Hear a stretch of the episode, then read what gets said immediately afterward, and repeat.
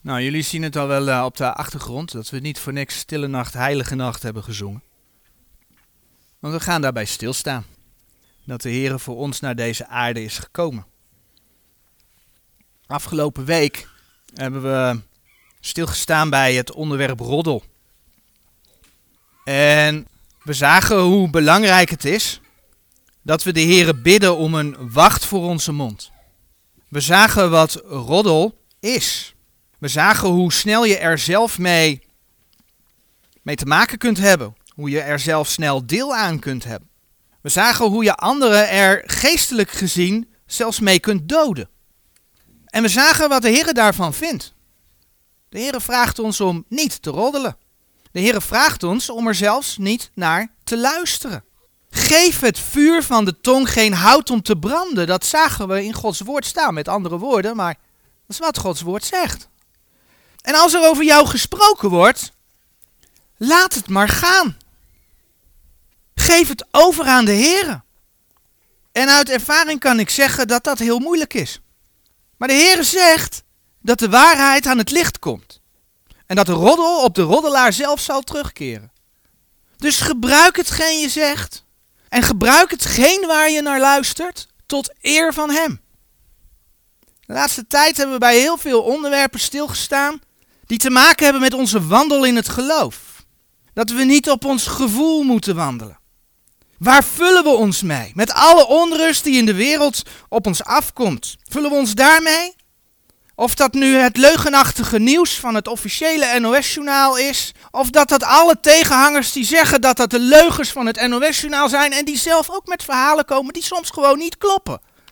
Oftewel, daar zitten ook leugens in. Pas ermee op. We praten het veel na. Vullen we ons daarmee? Worden we daardoor negatief? Gaan we strijdvaardig worden? Gaan we de strijd aan? Of vullen we onze gedachten met de Here en met Zijn woord? We hebben gezien dat we onze gedachten tot gehoorzaamheid aan de Heer Jezus moeten brengen. Hoe gaan we om met lijden? Hoe behoeden we ons hart? En we hebben gezien dat de Heer alle dingen in zijn handen heeft. Alles. Ook met alles wat er in de wereld gebeurt. Hij heeft alles in zijn handen. En dan roept de Heer ons op om door te gaan op zijn weg. Om niet te vertragen. Allemaal dingen waarbij we hebben stilgestaan. Maar de komende tijd willen we dan bij een ander onderwerp stilstaan. Want ondertussen zijn we alweer in de maand december beland. Kerst staat voor de deur.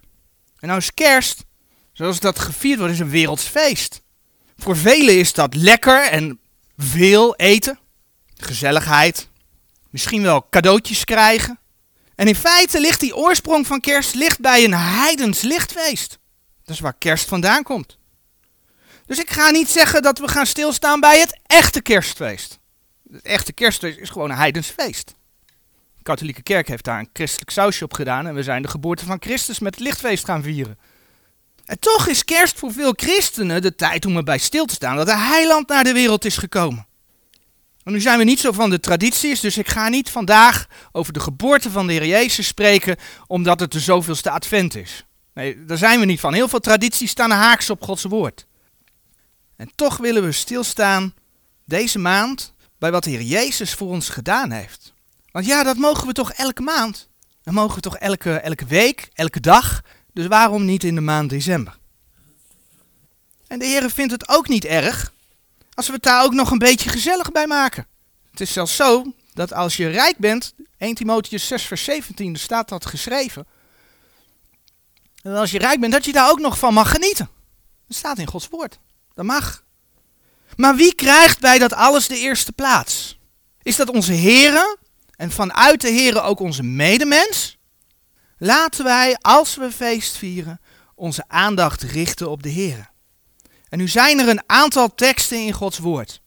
Die spreken over het feit dat de Heer Jezus ja, iets voor ons geworden is. De nadruk ligt dus niet op het iets, want hij heeft juist heel veel gedaan. Maar ik noem het woordje iets omdat ik dat straks ga invullen met allemaal dingen wat de Heer voor ons geworden is.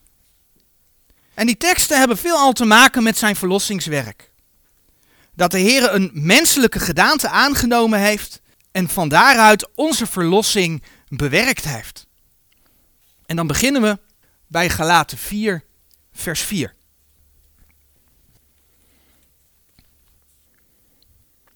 In Galaten 4, vers 4, daar lezen we: Maar wanneer de volheid des tijds gekomen is, heeft God zijn zoon uitgezonden, geworden uit een vrouw, geworden onder de wet.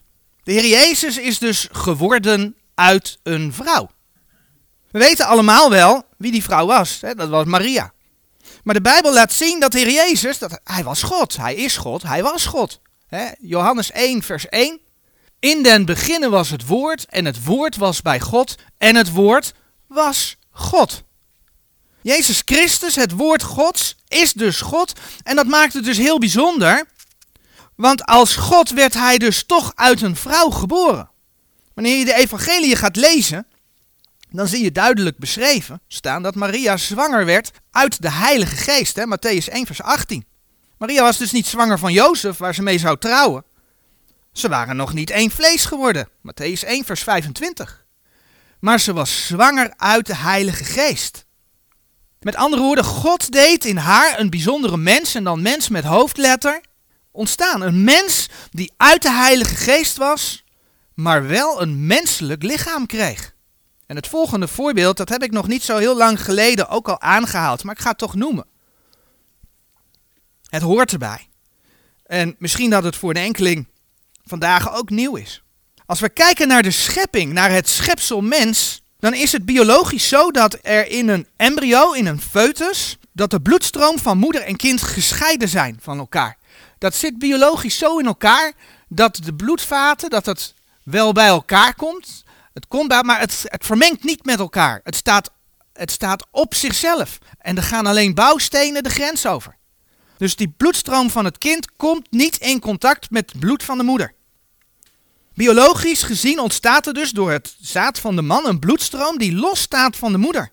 De moeder draagt via haar bloed dus biologisch bij aan de bouwstenen van het lichaam. En zo kon het dus zijn dat in Maria leven uit God ontstond. En zo kon God dus wel degelijk een echt menselijk lichaam krijgen. En zo kon de Heer Jezus God geopenbaard in het vlees worden. En die tekst die verschijnt hier op de dia. 1 Timotheus 3 vers 16. In onze Statenbijbel. In Gods woord en buiten alle twijfel, de verborgenheid der godzaligheid is groot. God is geopenbaard in het vlees. Is gerechtvaardigd in de geest, is gezien van de engelen, is gepredikt onder de heidenen, is geloofd in de wereld, is opgenomen in heerlijkheid. Dat is 1 Timotheus 3, vers 6. Maar dat God is geopenbaard in het vlees, vind je nagenoeg alleen in de Reformatiebijbel. Dus onze Statenbijbel, of de Engelse King James 1611. En ik zeg nagenoeg, omdat de HSV nog wel God heeft staan. Maar nagenoeg alle nieuwe vertalingen hebben God vervangen door het woordje die, het woordje hij of door Christus. Verschillende woorden, als er maar niet staat, hè, voor die nieuwe vertalingen, voor de theologen die dat uitgedacht hebben, dat God geopenbaard is in het vlees. En ze hebben het zelfs zo gedaan dat realiseerde ik me toen ik die versen opschrijf. Dat ze meestal voor die of voor hij kiezen. Tenzij ze in het eerste stuk het woordje God gebruiken. Want als ze dan dus die of hij hadden gebruikt, dan had het alsnog voor naar God verwezen. En dan gebruiken ze dus Christus. Je ziet gewoon dat de theologen Christus en God van elkaar willen scheiden. Dus hoe groot moet het ongeloof van vertalers en theologen zijn om dit te veranderen en het te verdedigen. De verborgenheid der godzaligheid was niet dat er een mens geboren was, die Christus heette.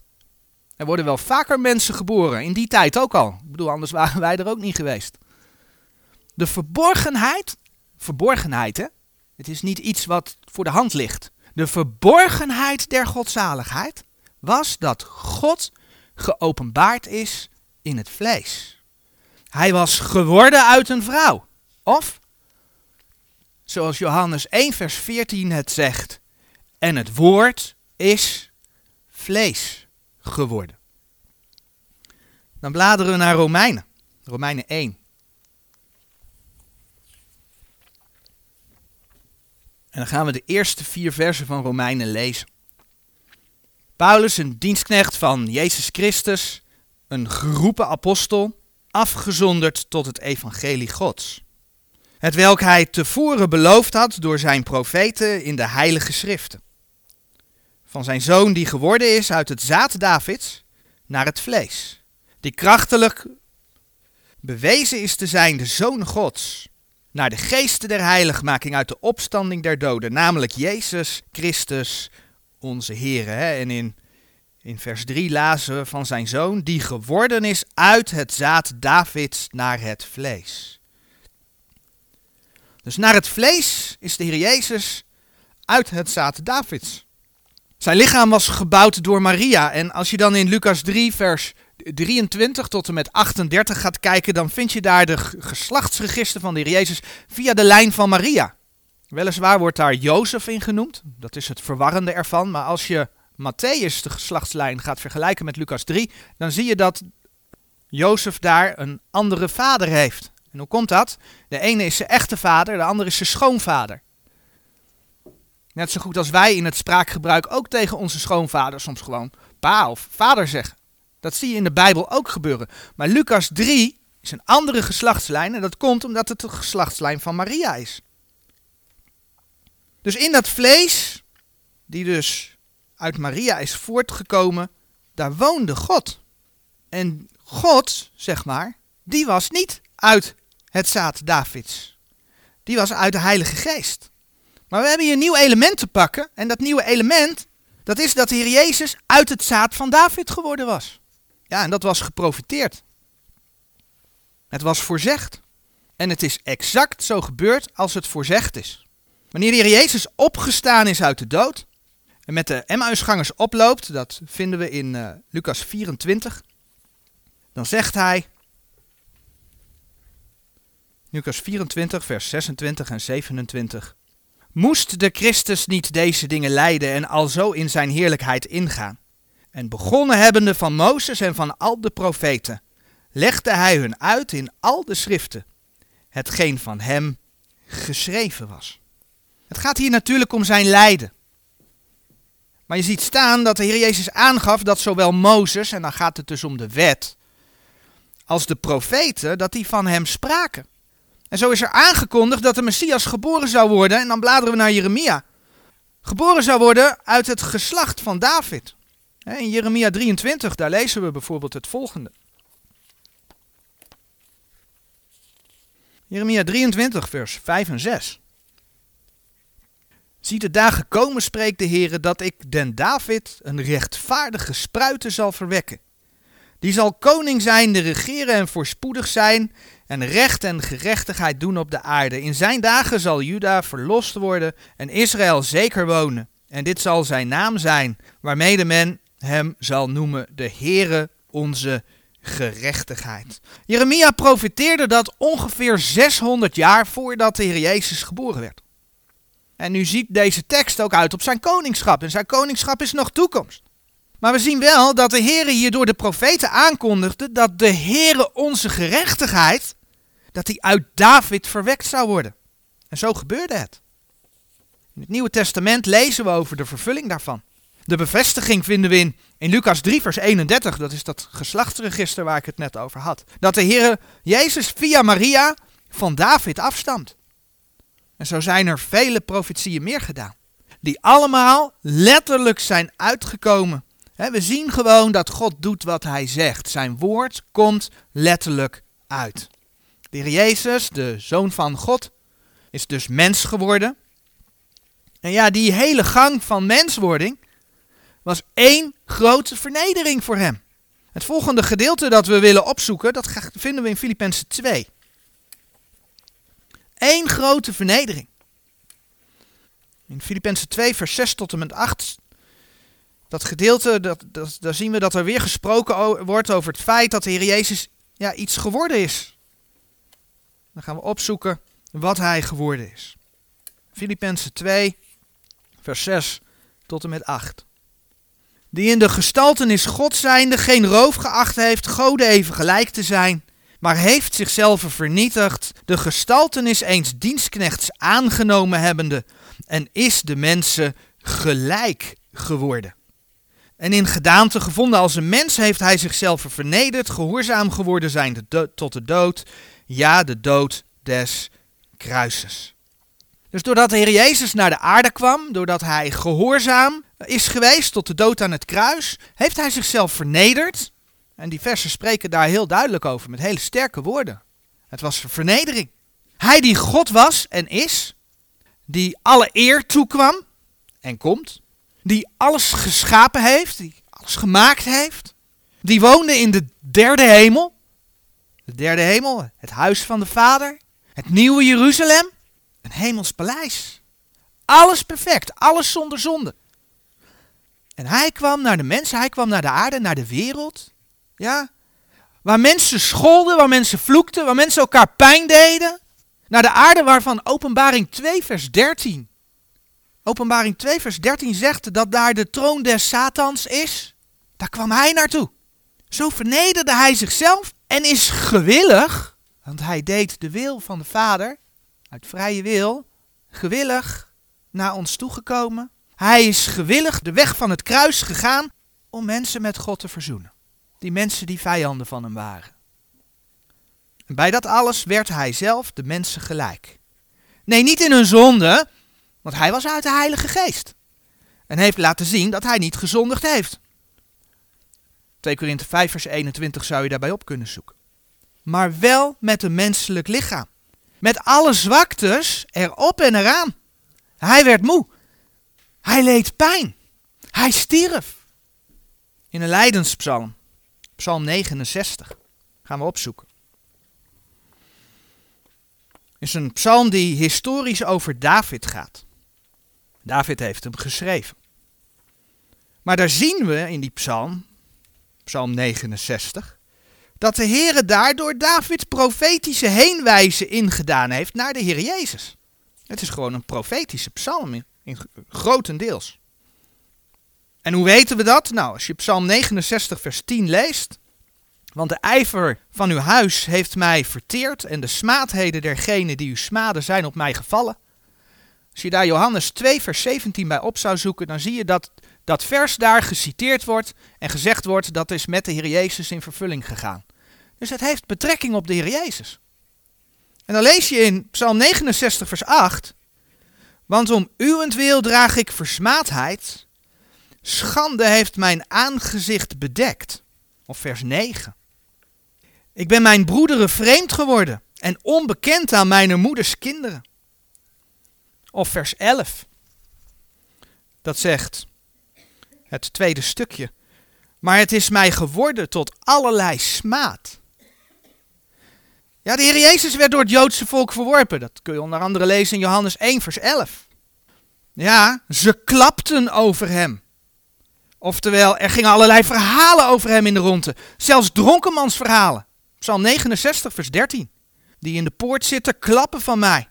En ik ben een snarenspel, degene die sterke drank drinken. En dan zie je daar zelf staan in vers 9. Door mijner moeders kinderen. Ja, de Heer Jezus die had via Maria aardse broeders, aardse broers. En kijk wat daarvan geschreven staat in Johannes 7, vers 3 tot en met 5.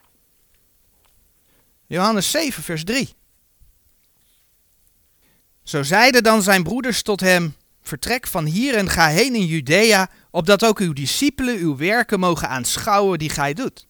Want niemand doet iets in het verborgen en zoekt zelf dat men openlijk van hem spreken. Indien gij deze dingen doet, zo openbaar u zelf aan de wereld, want ook zijn broeders geloofden niet in hem.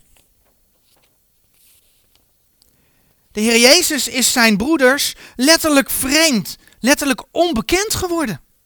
Op andere plaatsen zegt de Heer Jezus dat een profeet in zijn eigen land of zijn eigen huis niet geëerd is. Je kunt dat bijvoorbeeld vinden in Johannes 4, vers 44 en in Marcus 6, vers 4. Hij was niet geliefd. Denk aan Jozef, die door zijn broers verworpen werd. Ook niet in eigen huis. Maar ondanks alles, ondanks alles, alles wat hij meemaakte, wat mensen hem aandeden, ondanks alles, volbracht hij Gods wil en ging hij door tot aan het kruis.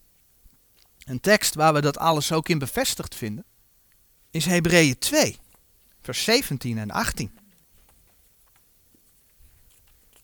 Hebreeën 2, vers 17 en 18. Waarom hij in alles de broederen moest gelijk worden, opdat hij een barmhartig en een getrouw hoge priester zou zijn in de dingen die bij God te doen waren, om de zonde des volks te verzoenen. Want in hetgeen hij zelf verzocht zijnde geleden heeft, kan hij degene die verzocht worden te hulp komen. Waarom hij in alles de broederen moest gelijk worden. Hebreeën is geschreven aan de Hebreeën, aan de Joden, de aardse broeders, hè, dus niet zijn naastverwanten, broers, waar we het net over hadden, even in Johannes 7. Maar het gaat hier om het Joodse volk, de broeders van de Heer Jezus. Hij is niet zozeer de mensen gelijk geworden, ja dat ook, maar ook zijn Joodse broeders. De Heer Jezus zou namelijk gaan sterven voor Israël, voor het Joodse volk. En zoals wij weten heeft Israël de Heer verworpen, maar is daardoor de verlossing in de Heer Jezus, de verzoening wel, tot de heidenen gekomen. Daardoor hebben wij daar deel aan gekregen. En daarvoor gaan we naar Galaten 3. Galaten 3, vers 13 en 14.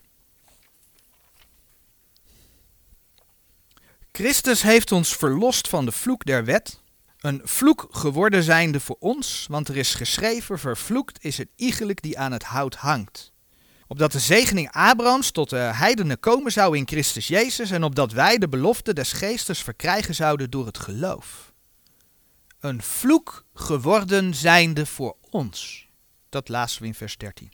Allereerst zien we dus ook dat de zegening van Abraham inderdaad tot de heidenen is gekomen. Als je dan gelaten in de context gaat lezen, bijvoorbeeld vers 6 en vers 8, dan zie je ook wat die zegening inhoudt. Maar in deze versen wordt dat uitgelegd als zijnde dat de heidenen door het geloof deel hebben gekregen aan de belofte van de Heilige Geest. Dat hebben we net gelezen. En opdat wij de belofte des geestes verkrijgen zouden door het geloof.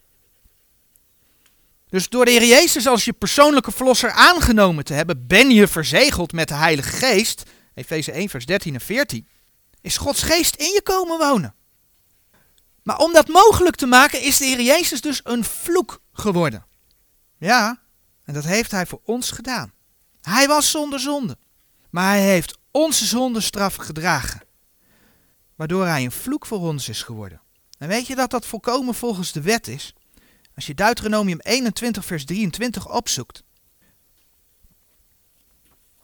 Deuteronomium 21, vers 23. Zo zal zijn dode lichaam aan het hout niet overnachten, maar gij zult het zekerlijk tenzelfde dagen begraven, want een opgehangene is gode een vloek. Alzo zult gij uw land niet verontreinigen, dat u de Heere uw God ten erge vergeeft. Zie je dat? Een opgehangene is gode een vloek. Niet zomaar een vloek. Is gode een vloek. De vernedering van de Heer Jezus ging tot op het kruis. Ging tot op het feit dat hij in Gods ogen een vloek is geworden. En na zijn opstanding ging de Heer Jezus naar de Vader in de hemel. Om daar voor ons een hoge priester te worden. In Hebreeën 6 vers 20, daar lees je dat bijvoorbeeld, staat op meerdere plekken hoor. Maar Hebreeën 6 vers 20. Waar de voorloper voor ons is ingegaan, namelijk Jezus, naar de ordening van Melchizedek, een hoge priester geworden zijnde in der eeuwigheid. Een hoge priester geworden zijnde. En eigenlijk hebben we daar al eerder over gelezen in Hebreeën 2 vers 17 en 18. En we hebben in die versen gezien dat de Heer Jezus een getrouw hoge priester kan zijn, omdat, en dat staat in vers 18 van Hebreeën 2, in hetgene hij zelf verzocht zijnde geleden heeft, kan hij degene die verzocht worden te hulp komen. Ja, de Heer is mens geworden. Hij was en is God. Maar door een menselijk lichaam aan te nemen, kreeg hij wel te maken met al het lijden waar wij mensen ook mee te maken hebben. Vorige week hadden we het over roddel. Vandaag zagen we dat men over de Heer Jezus klapte of achterklapte tot op dronkenmanspraat toe. Hij is uitgelachen, hij is bespot. Hij weet wat het is. Hij is moe geweest. Hij heeft dorst gehad. Hij heeft geleden. Laten we Jezaja 53 vers 3 erbij lezen. Jezaja 53 vers 3. Hij was veracht en de onwaardigste onder de mensen, een man van smarten en verzocht in krankheid. En een iegelijk was als verbergende het aangezicht voor hem. Hij was veracht en wij hebben hem niet geacht. Hij weet wat het is. Oftewel, onze God, onze God kan met ons meevoelen. Je kunt met al je nood bij hem terecht. Laat sprake over 1 Petrus 5 vers 7. Kennen we hem nog? Werpt al uw bekommernis op hem, want hij zorgt voor u. En ook om voor, om voor je te zorgen, is tegen Jezus de mensen gelijk geworden. Is dat geen geweldige belofte? Dat je met al je nood bij de Heer terecht kunt? En dat Hij je zelfs kan aanvoelen? Is het geen geweldige uitkomst van het feit dat onze Heer naar de aarde is gekomen? Maar daar blijft het natuurlijk niet bij. We hebben het al lang genoemd. Hij is gestorven voor onze zonde. Door hem mogen we Gods rechtvaardigheid dragen. We gaan er 2 Korinthe bijpakken, 2 Korinthe 5, vers 19 tot 21. Daar staat het zo mooi beschreven. Want God was in Christus de wereld met zichzelf verzoenende, hun zonde hun niet toerekenende, en heeft het woord der verzoening in ons gelegd. Zo zijn wij dan gezanten van Christus wegen, alsof God door ons baden. Wij bidden van Christus wegen, laat u met God verzoenen. Want die die geen zonde gekend heeft, heeft hij zonde voor ons gemaakt, opdat wij zouden worden. Hij is van alles voor ons geworden? Opdat wij zouden worden, rechtvaardigheid Gods in hem. Ja, dus de Heer Jezus is dat alles voor ons geworden. Hij is uit een vrouw geworden. Hij is vlees geworden. Hij is uit het zaad Davids geworden. Hij is vernederd, de mensen gelijk geworden. Hij is zijn broeders gelijk geworden. Hij is voor God een vloek geworden. Hij is een hoge priester geworden. Dat is hij allemaal voor ons geworden om ons onze zonde niet toe te rekenen. Om ons onze zonde niet toe te rekenen, waardoor wij rechtvaardigheid Gods in hem geworden zijn. Is dat niet geweldig? En dat heeft de Heer allemaal voor ons gedaan, terwijl we het helemaal niet verdiend hadden. En van daaruit mag je als wederom geboren gelovige ook verzekerd zijn van bijvoorbeeld je opstandingslichaam. En dan bladeren we naar 1 Korinthe 15. Een opstandingslichaam en daarmee een toekomst bij de Here. In 1 Korinthe 15 vers 20 tot 23 daar lezen we. Maar nu Christus is opgewekt uit de doden en is de eersteling geworden dergenen die ontslapen zijn. Want terwijl de dood door een mens is, zo is ook de opstanding der doden door een mens. Want gelijk zij alle in Adam sterven, alzo zullen zij ook in Christus alle levend gemaakt worden. Maar een iegelijk in zijn orde, de eersteling Christus, daarna die van Christus zijn in zijn toekomst. De Heer Jezus is de eersteling geworden. Van allemaal mensen die zullen opstaan en op de een of andere manier met hem zullen zijn. En dan zeg je, hoezo de eerste? Lazarus is toch ook opgestaan uit de dood en met hem waren er meer die opgestaan zijn uit de dood. Ja, dat klopt. Maar ze zijn allemaal weer gestorven. De Heer Jezus is de eersteling van hen die opgestaan zijn en niet meer zullen sterven. En dat is, hè, als de Heer ons niet eerder komt halen, met de opname van de gemeente, waar we als gemeente naar uit mogen zien. Dat is wat we tegemoet mogen zien. Wanneer je in Christus bent, dan zul je net als Hij opstaan uit de dood. En dan willen we vanmorgen afsluiten met het lezen van 1 Korinthe 1, vers 30. Waarin we nogmaals lezen dat de Heer Jezus ja, iets voor ons geworden is. En in dat vers lezen we 1 Korinthe 1 vers 30. Maar uit hem zijt gij in Christus Jezus, die ons geworden is, wijsheid van God en rechtvaardigheid en heiligmaking en verlossing. Zie je dat de Heer Jezus eigenlijk alles voor ons is? Hij is onze verlossing, omdat we heilig gemaakt zijn, omdat we gewassen zijn door zijn bloed. Hij heeft ons daardoor zijn rechtvaardigheid gegeven. Hij is onze wijsheid van God. Dat hebben we net gelezen. Daar is allemaal niets van onszelf bij. Hij geeft het ons. Omdat Hij het alles voor ons geworden is. Wat een rijkdom. Wat een rijkdom dat wij daar toegang toe hebben gekregen. Amen.